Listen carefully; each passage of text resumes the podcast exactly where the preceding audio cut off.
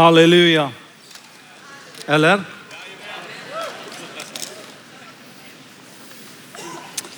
Vilken glädje för mig att vara här och predika ikväll. Tack så jättemycket för inbjudan.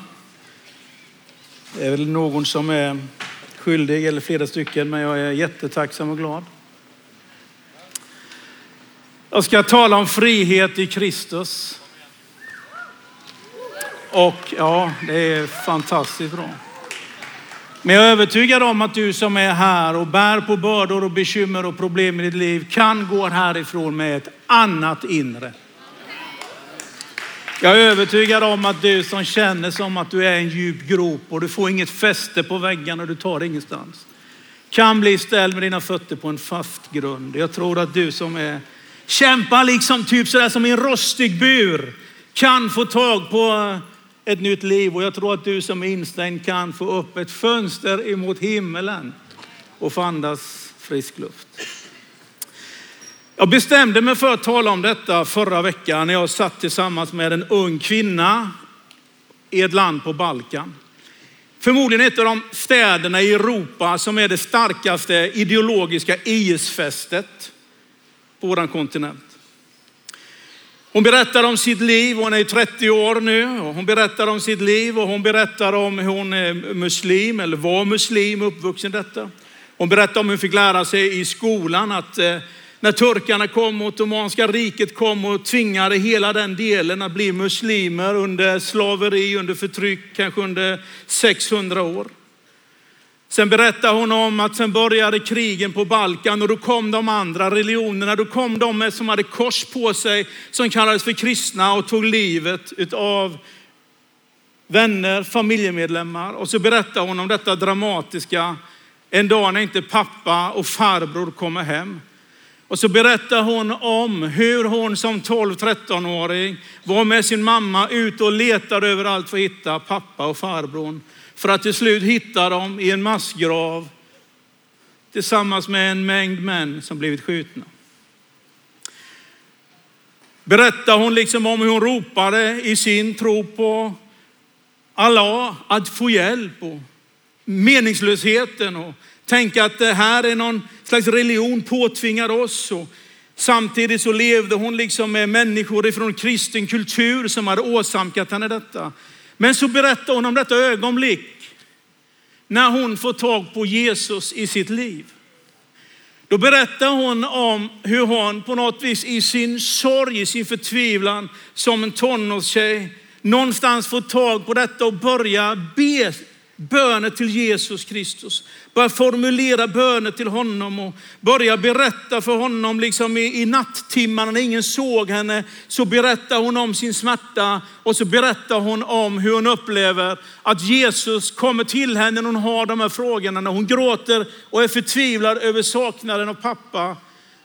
Och säger till Jesus, Jesus mitt hjärta har gått sönder. Och hon i ett ögonblick upplever att Jesus säger till henne, när din pappa dog, då gick mitt hjärta också sönder.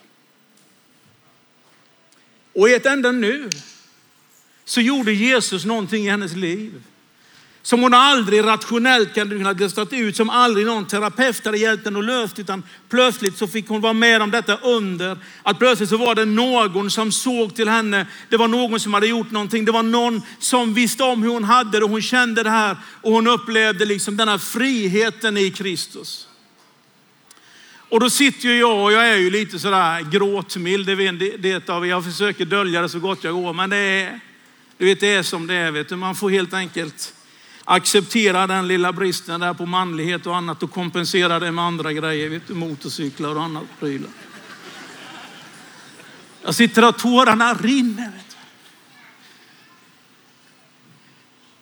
Då får jag lust liksom att påminna er om att det finns sån kraft i namnet Jesus. Frihet ifrån vad du än bär på. Om Jesus kan hjälpa en ung kvinna smart, intelligent, duktig, som söker överallt men tappar tron på att leva. Om Jesus kan lösa henne från hennes inre slaveri, det hon bär på, då kan han göra någonting med dig i ditt liv, där du är. Sen när jag hade liksom nyktrat till lite grann efter det här samtalet så fick jag luft att åka hem och sätta på mig. Jag har en liten svart, eh, ja sån här, eh, det heter ju något. Med eh, nål på baksidan, ni vet man fäster här. Ja, något sånt typ. Va? Jag har en fin sån där det står Religion kills but Jesus saves. Jag blev less på allt som religioner har skapat runt om i världen. Men jag blev så tacksam över att Jesus frälser. Det vill säga att det vi gör här ikväll, det är inte att vi försöker promote some kind of good religion eller säger att vi är så mycket bättre för att vi har den eller den uppfattningen. Eller att vi bara är stolta över liksom all vår kultur och så vidare. Utan den här kvällen så har vi ett budskap och det talar om för dig att Jesus Kristus kan förvandla ditt liv. Han kan göra allting nytt i ditt liv. Vem du än är, var du än kommer ifrån. Och jag skulle kunna fortsätta berätta om människor jag mött. Jag skulle kunna berätta om, om, om den gamle officeren i Vitryssland som jag träffade, som är rom. Men tack vare stigmat och arom rom så döljde han det hela sitt liv och han var en högt uppsatt KGB-polis och han var eh, med i det militära och han döljde hela sitt liv att han hade romsk bakgrund för han kände att det vill jag inte ha med mig utan han gjorde allt vad han kunde för att dölja det. Så kommer det här ögonblicket när han tar emot Jesus Kristus i sitt liv tar emot frälsningen, Jesus förvandlar honom och då börjar han berätta frimodigt om Jesus och så börjar han berätta för alla att jag är rom. Är du med? Den inre friheten. Detta fängelse som vi kan gå omkring och bära på för att vi har en massa grejer liksom som är kopplade till oss. Jag har tagit med en liten bild ifrån Gullivers resor. Och jag förmodar att ni har eh, läst de sagorna allihop och inte annat så känner ni till att Jonathan Swift skrev den här fantastiska. Där bakom, jag ser ni jätten som ligger där? Skriven i början på 1700-talet som en satir emot Irland och England, liksom, om alla orättvisor och så vidare. När Gulliver kommer till Lilleputteland, blir uppsköljd där liksom på stranden, så börjar de att binda fast honom. En stor jätte, men det är en massa små tunna trådar som håller honom fast. Han klarar inte att resa sig, inte för att det är några stora kedjor, utan för att han har en mängd små band som håller honom fast. Så tror jag det är i mångas av våra liv. Det vill säga att det kanske inte är en stor kedja, det kanske inte är ett stort ok, men det är en mängd små grejer som vi drar med oss i livet. En massa små saker som håller oss bundna, som håller oss fast. Och jag tänker den här kvällen att det handlar inte bara om att predika och säga till dig att det finns frihet i namnet Jesus. För jag uppfattar att det Guds ord säger och det Guds rike säger, det är att vi är inte bara lösta ifrån någonting, utan vi är också lösta till någonting. Vi är inte bara befriade för vår egen skull och därför var jag så glad när jag träffade den unga kvinnan Leonora Malouk. När hon är med och undervisar killar och tjejer från muslimska hem i engelska. Hon älskar dem, hon öppnar dem, hon har community center. Hon håller på att ge sitt liv. Hon hade aldrig gjort det om Jesus inte hade skapat frihet i hennes liv. Därför är min egen upplevelse, det att min egen frihet, den har också med att göra min förmåga att förändra världen. Alltså det att jag blir bunden på insidan, att de här små banden håller mig, gör att jag förlorar frimodigheten. Det gör att jag inte kan berätta vem jag är. Jag börjar skämmas för en massa saker och jag bär på de här grejerna. Så för den här världens skull, kära bröder och systrar, bara har jag en bön och det är att du skulle bli fri i Jesu namn. Eftersom den här världen behöver få höra detta goda evangelium om att Jesus kan förvandla varje, varje människa. Andra Moseboks nionde kapitel. Där är folket i slaveri. Och Herren säger till Mose, gå till farao och säg, så säger Herren, Hebreernas Gud, släpp mitt folk så att de kan frambära offer åt mig. Du vet, det är fantastiskt att du och jag kan få bli fria i vårt liv. Det är helt otroligt att, att vi kan vara med om detta stora i ditt och mitt liv. Men jag skulle vilja säga till dig idag att den frihet som Jesus Kristus ger dig är inte bara en frihet där du och jag börjar leva ett bekvämt liv för oss själva. Utan den friheten det gör oss framförallt fria att tjäna honom med vårt liv. Det vill säga att du som är slav under alkoholen, när du blir fri ska du hjälpa en massa olycksbröder och olyckssystrar.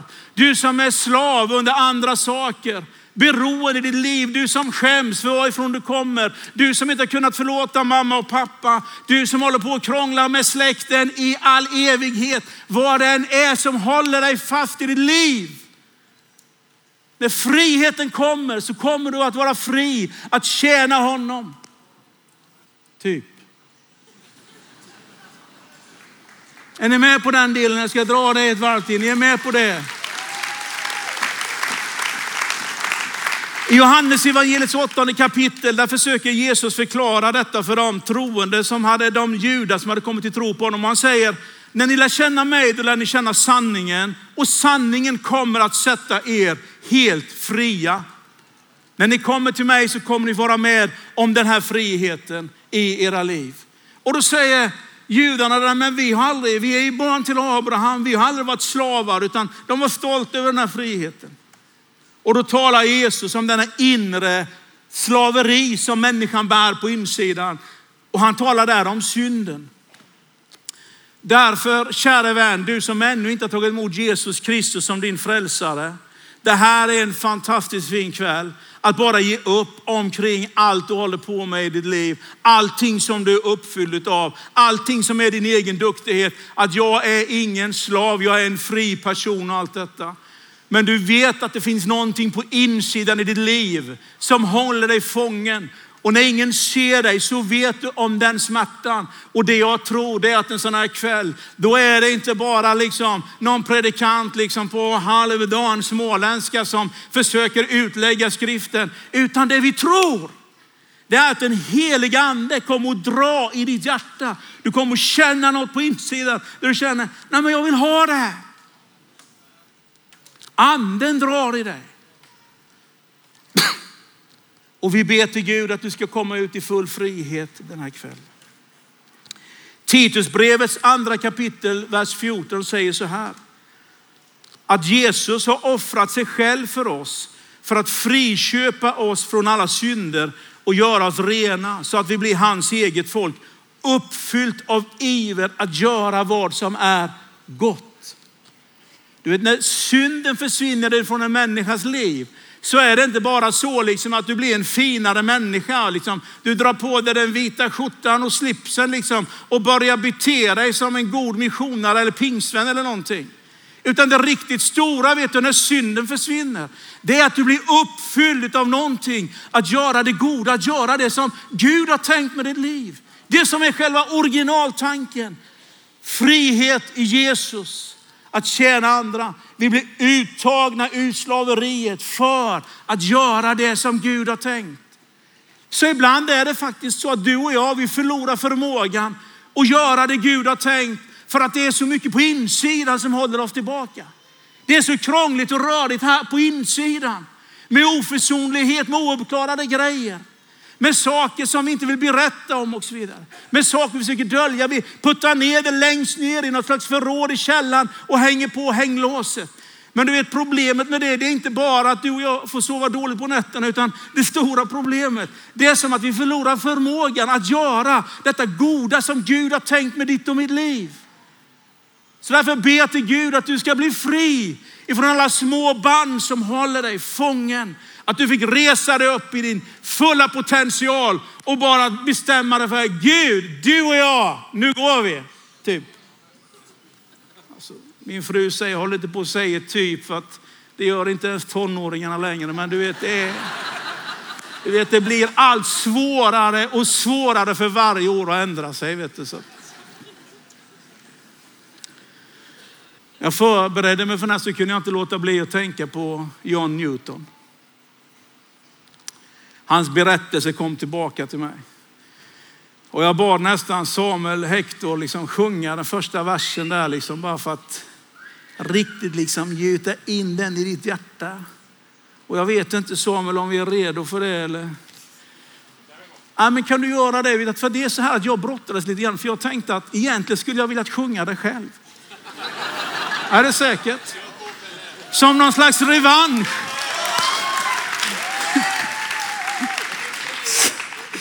Som någon slags revansch mot min blockskolefröken.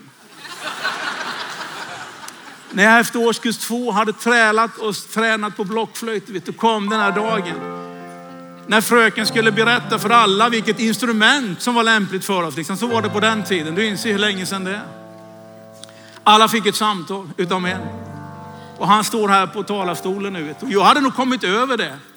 Om det inte hade varit så att en kollega en gång när jag stod och spelade bas till evangelistkören på evangelistveckan i Jönköping hade vänt till som jag sa, det, sänk, sänk volymen så tar jag basgången på synten, sa han. Jag hade nog kommit över det annars, men nu är det sådär. Men jag tänkte, this is the night, tänkte jag. Nu drar jag på. Men modet sviker mig. Men lyssna nu på den här texten. En fantastisk sång om Guds stora nåd.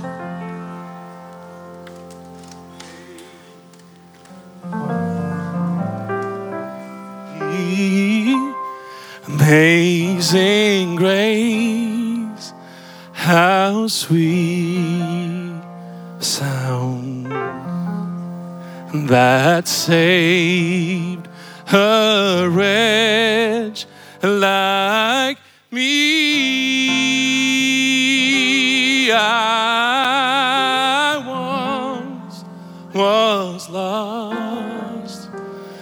but now I'm found. I was blind, but now I see. Får jag en chans till? Kom igen. I said it was amazing grace. Halleluja Jesus, Jesus, Jesus. It was amazing grace that saved a wretch like Samuel.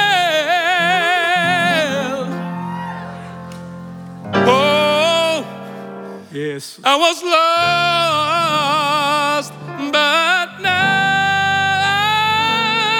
I'm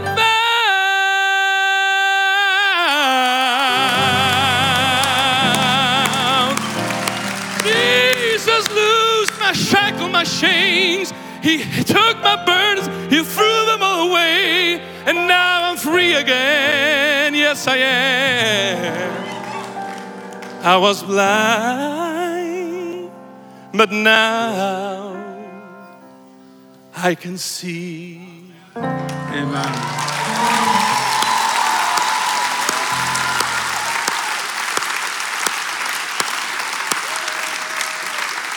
Alltså, när man hör Samuel, va, då fattar man ju att eh, blockskolefröken hade en poäng. Alltså, det är ju bara så. Sju år gammal. Hans mamma dör av TBC. Helt förlorad, lever med sin pappa. John Newton. Hans pappa är sjöman, tar med honom ut på havet när han är 11 år och börjar lära sig. Så beskriver han sitt liv. Hur han håller på liksom med att göra livet svårt för människor. Hur han är helt oregerlig. Hur han börjar, liksom, pappa stänger in honom i flottan för att han skulle lära sig någonting. Han blir utkastad, han blir piskad, han blir utslängd därifrån. Han börjar som slavskeppare köpa slavar och skicka iväg slavar runt om i världen och, och stå på de där skeppen. Och han hamnar till och med själv i slaveri under ett tag. Liksom. Och hans liv är helt trasigt och han berättar om detta livet, liksom, hur han lever sitt liv där han, där han liksom inte har någon respekt för människor eller någonting. Där han berättar om hur hans liv är totalt och så skriver han den här texten så småningom när han efter att ha stått i ett sjunkande skepp med vatten till midjan börjar liksom ropa på Jesus Kristus, den som han har förnekat, den han har hållit på liksom att trycka bort ifrån sitt liv hela tiden. Plötsligt så ger han upp liksom inför detta och bara konstaterar vilken förunderlig nåd. Gud, att du tog hand om ett vrak som mig. Gud, jag var helt förlorad, men nu är jag återfunnen. Jag var blind och nu ser jag. Fri ifrån någonting, bli predikant. Bland hans lärjungar finns en som heter William Wilberforce. Och han skriver liksom den här pamfletten och sätter hjärtan i brand 1787. Thoughts upon the African slave trade. Och så börjar han strida för att slavhandeln skulle sluta. Han som har varit en av dem som hade stått i spetsen för detta och drivit detta. Och alla som känner William Wilberforce och historien, ni vet att han steg upp i underhuset och i parlamentet gång efter gång och talade om detta orättfärdiga i att vi handlar med slavar runt om i världen. Och så fick de vara med och förändra någonting där slavhandeln tog slut i det brittiska imperiet och fick vara med och göra detta. Du vet, man blir löst ifrån någonting till någonting. Man blir fri från någonting för att göra någonting. Man kommer ur någonting för att förändra världen. Och det är därför du behöver vara fri i ditt liv. Inte bara för nattsömnen, inte bara liksom för att du ska leva med ett större leende, inte bara för att du ska bli en bättre människa, utan inte minst för att du blir fri för att tjäna den här världen med de gåvor du har. Och problemet är att ditt och mitt dåliga samvete, det vi kämpar med i vårt liv, alla oförrätter, all krångel, alla grejer, det gör att vi förlorar den andliga skärpan, förlorar den andliga självförtroendet, gör att vi förlorar förmågan och göra det Gud har tänkt. Så därför kan man säga att det här är ett möte, ett frihetsmöte, där den som vill bli fri får bli fri. Men man kunde också säga att det här är ett missionsmöte. Där alla ska bli Europamissionärer, säga. det behöver ni inte. Det är tillräckligt svårt att få underhåll till en, utan det är så här liksom att sök ditt fält liksom och tjäna Herren frimodigt. Men man kan säga att det är ett frihetsmöte ifrån någonting. Men vi skulle också kunna lägga händerna på varandra och sända varandra ut i den här världen. Ut till Rinkeby, till Tensta, till områdena där du bor. Du vet, det finns människor överallt som kämpar med hopplöshet, meningslöshet, allt detta på insidan. Och du vet, om vi inte liksom är fria så tror jag att vi får sämre förmåga att betyda någonting för den här världen. Det är när vi blir upprättade i vår relation till en frånvarande faders gestalt som vi får ny förmåga. Det är när vi blir liksom helade ifrån trasighet i vår familj som vi plötsligt får ny förmåga. Jag skulle kunna berätta berättelse efter berättelse. Petrus han skriver så här i första Petrusbrevet 50 kapitel. Jag ägnar mig åt ledarträning.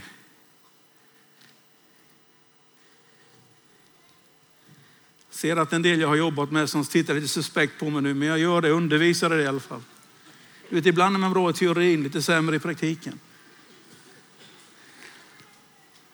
Då läser jag ofta från första Petrus femte kapitel om de äldste, om ledarna i Guds församling.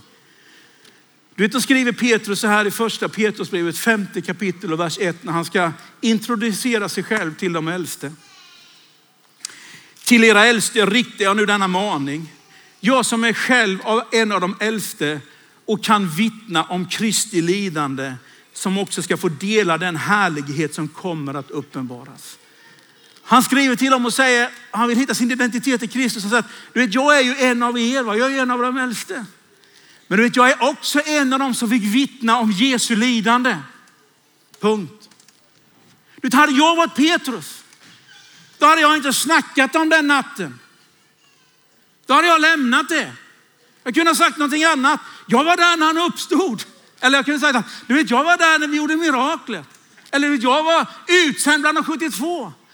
Du vet, det är så gött att Petrus säger att jag var ett vittne till hans lidande. Du vet, så hel kan en människa bli. Så att den natten när du sviker dina ideal, den natten när du gör bort dig totalt, den natten när du gör bort dig, den natten när du överger allt du har trott på. Den natten när du blickar liksom mot Jesus och hans blick möter dig och du går därifrån som Bibeln säger och du gråter häftigt och du är förtvivlad och känner det finns ingenting kvar i mitt liv.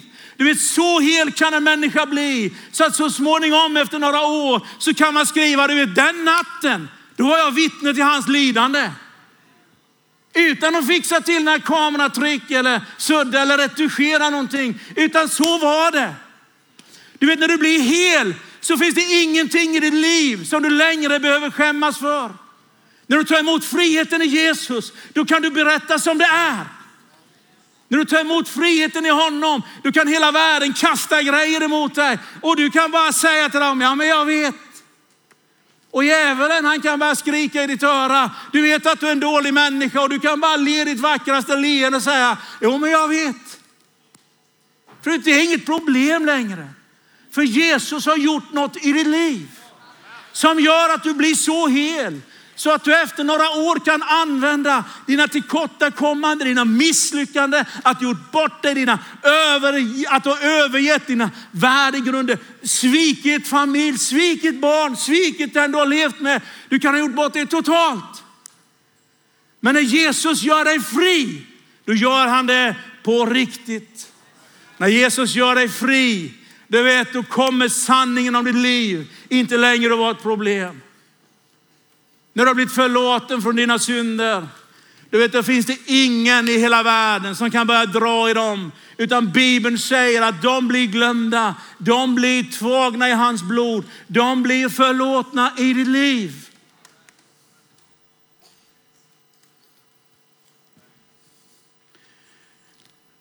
Gud kan hjälpa dig med din otrohet. Och eftersom det är flest män, uppfattar jag, som håller på med det, så skulle jag till och med säga, han kan hjälpa dig med din otrohet i Jesu namn. Så jag trycka på lite där, vet du. Han kan hjälpa dig liksom med de där grejerna i ditt liv. Som du känner, du har börjat dölja med den ena lilla lögnen efter den andra och det blir band efter band efter band efter band efter band i ditt liv. Det här är en kväll när du kan på något vis ge upp inför allt detta. Du har försökt att fixa och lösa och den ena lilla lögnen kommer efter den andra. Du ordnar och ordnar och fixar. Du vet den här kvällen, om du är trött på att försöka fixa det själv, om du är trött på liksom din smartness och försöka lösa de här grejerna. Om du är less på att försöka lösa allt detta, så kom till Jesus Kristus med hela ditt liv. Bara säg till honom, Jesus mitt hjärta, det är trasigt. Jesus kom och viskade i ditt öra, jag vet. Det gör ont i mitt hjärta också. Ja, men jag är helt själv. Nej, säger Jesus, jag är med dig. Ja, men mitt liv det är så här trasigt. Ja, men min nåd, den är ännu större.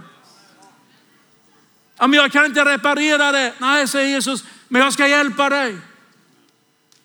Jag kan inte ta det samtalet. Nej, säger Jesus, men jag ska gå med dig. Det finns frihet i namnet Jesus.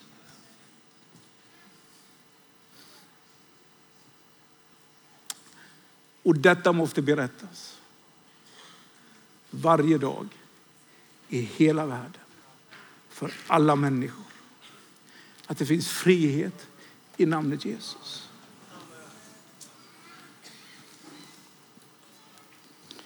Vi drar på grejer som vi själva inte har kanske skapat.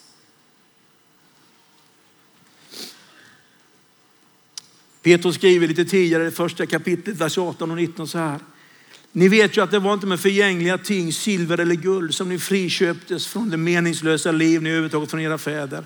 Nej, det var med blodet från ett lamm, utan fel eller fläck. Kristi dyrbara blod. Petrus han säger, du vet att det är ett sånt pris som är betalt för att du ska bli av med meningslösheten i ditt liv. Du kanske har grejer som du själv inte orsakat utan som andra människor har orsakat dig. Men Petrus säger att det finns liksom ett pris som är betalt för den meningslöshet som du har ärvt från dina fäder. Det finns någonting som är betalt för den meningslöshet som har åsamkats dig. Inte på grund av dina egna val utan på grund av andra val. På grund av dina föräldrars val, på grund av, av, av, av samman, på grund av din klass. Mobbning, utanförskap, fulspel på jobbet. En massa grejer som, som, som du själv inte åsamkat men som ändå har drabbat dig, som har satt sig som rostiga spikar rakt in i din själ. Du vet det finns ett pris som är betalt för dig och det handlar inte om silver och guld. Det går inte att köpa för pengar. Det är betalt med Jesu Kristi dyrbara blod. Med ett felfritt lamm. Med ett pris som Gud betalade för att du skulle få leva i frihet. Så den här unga kvinnan berättade för mig den dagen när hon fick gå till de människorna som kom ifrån det folket som hade tagit livet av hennes pappa. Och hon berättar om detta ögonblick som av försoning när hon mötte dem. Kände att hon på ett uppriktigt hjärta kunde förlåta. Kände att hon kunde försonas med detta. Kände att hon fick seger över det. Du vet, det är ett pris betalat för det som andra människor har åsamkat dig i ditt liv. Det finns frihet ifrån det andra människor har gjort i ditt liv som du kämpar med. Det finns frihet ifrån det andra människor på olika sätt har varit med och tillfogat dig genom livet. Du kanske har varit jätteutsatt, men du vet det finns ändå ett pris som är betalat för det som har hänt dig i ditt liv. Inte bara de små banden som vi skapar själva, utan också de små banden som andra människor knyter omkring oss som gör att vi berövas våran barndom, som gör att vi berövas våran frihet. Som gör att vi berövas våran lycka, som gör att vi berövas vår värdighet som människor, som gör att vi berövas en massa saker. Du vet, det var inte liksom med silver och guld som du blir löst ifrån meningslösheten i ditt liv. Det var blodet från ett felfritt lamm. Det var blodet ifrån Jesus Kristus. Och därför så tycker jag att du den här kvällen ska ge upp lite grann av den där rationaliteten som du kanske har. Svårigheten att ta emot hjälp. Där du tänker att så enkelt kan det inte vara. Men du vet, det är det jag tror och det är det som min erfarenhet är. Det är att det är sån kraft i Jesu blod.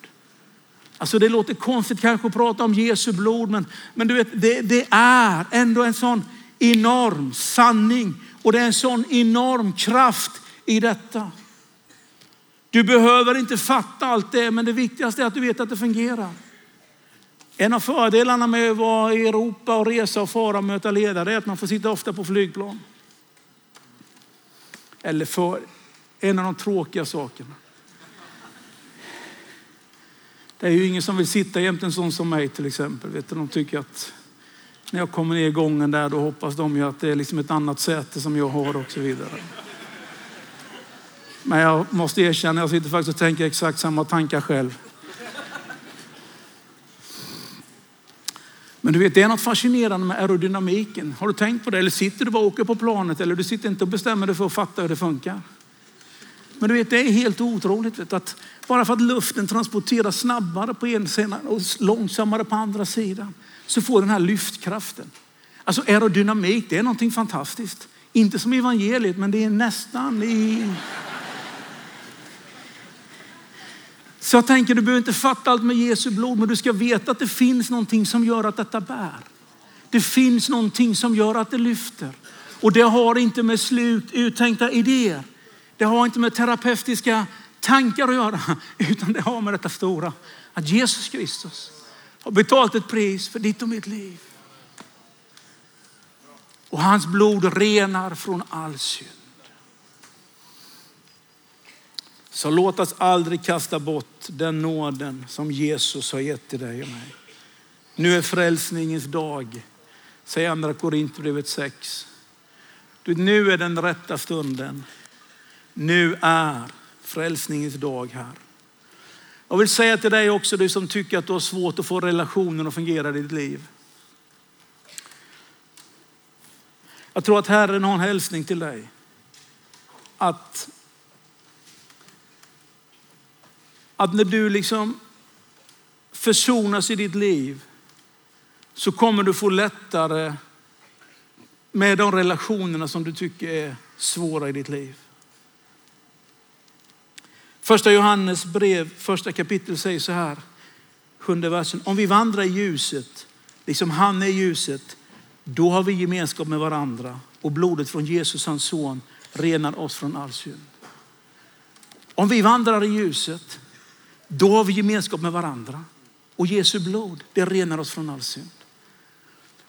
Därför ska du försöka liksom utmana din församlingsmiljö. Om ni liksom har en församlingsmiljö där alla ska hålla masken. Där ingen ska säga som det är. Utan man ska liksom gömma undan det där och det ska se så bra och det ska se så fint ut. Du vet problemet med att om vi inte lever i ljuset är att vi förlorar gemenskapen med varandra. Det är när vi vandrar i ljuset som gemenskapen kommer med varandra. Och blodet från Jesus renar oss från all synd. Så att om du lever i en miljö där det gäller liksom att alla bara fixar och ordnar, liksom det ska se bra ut och allt detta. Ta något tillfälle ibland och slå hål på det där. Och om du och jag inte lever i ljuset så tror jag att vi får svårt med gemenskap med varandra. Så därför tror jag också en sån här kväll när vi får uppleva frihet i Jesus Kristus. Så blir vi fria att tjäna honom. Men vi kommer också att få lättare att ta till oss varandra för att gemenskapen blir på riktigt. Det handlar inte om att låtsas, det handlar inte om att försöka verka någonting, utan det bara är så här det är. Och vi lever under Jesu blod och vi lever i gemenskap med honom. Och hans blod renar oss från all synd. Och vi lever här tillsammans. Inte att någon är bättre än den andra, utan vi är alla behovets barn. Det stora är att vi har samma källa att dricka ur. Det stora är att det är samma pris som är betalat för hela världen. Så till sist, min uppmaning till oss den här kvällen. Den kommer från Hebreerbrevets tolfte kapitel. Låt oss då, även vi, befria oss. Befria oss ifrån allt som tynger. All synd som ansätter oss och hålla ut i det lopp vi har framför oss. Låt oss ha blicken fäst vid Jesus, trons upphovsman och fullkomnare. Låt oss, alla vi, bara befria oss ifrån det som tynger. Så att bara lägga liksom ner all synd som ansätter oss. Så håller vi ute det lopp vi har framför oss. Vi fäster blicken på Jesus Kristus som kan göra det vi inte kan göra. Trons upphovsman och fullkomnare. Han som kan göra det som du och jag kämpar med. Det kan han göra i ditt liv. Jag är så glad att jag fick möta den här unga kvinnan och alla andra människor som jag får möta. När jag möter ledare runt omkring pastorskonferenser. När jag sitter liksom ibland och löser en del problem och skapar en del problem. Ja, det är typ en sån här blandning. Vet du. Att man får de där ögonblicken och får lyssna till en människas livsberättelse. Och du vet för mig, du vet, det är bara att trycka liksom som adrenalin rätt in i blodomloppet. Jag bara känner liksom ännu mer Jesus. Du vill bli känd för alla människor. För det finns en kraft i ditt namn. Frihet för varje människa.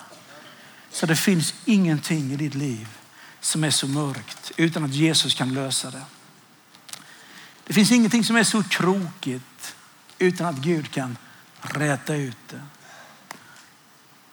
Det finns ingenting som är så skruvat utan att Jesus kan lägga sina händer på det. Det finns inget hjärta som är så trasigt utan att han kan ta det i sin mästarfamn och hela det som har gått sönder.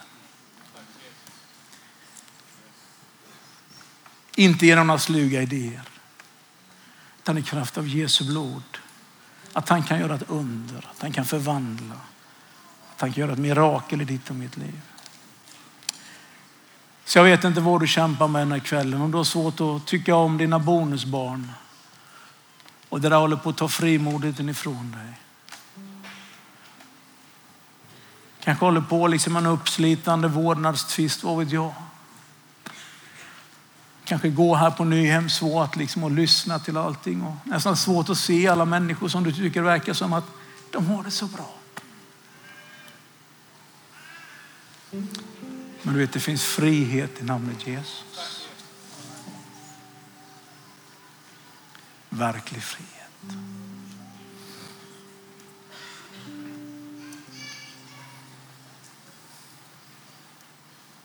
Mm. Ska vi resa oss upp i Nyhemshallen?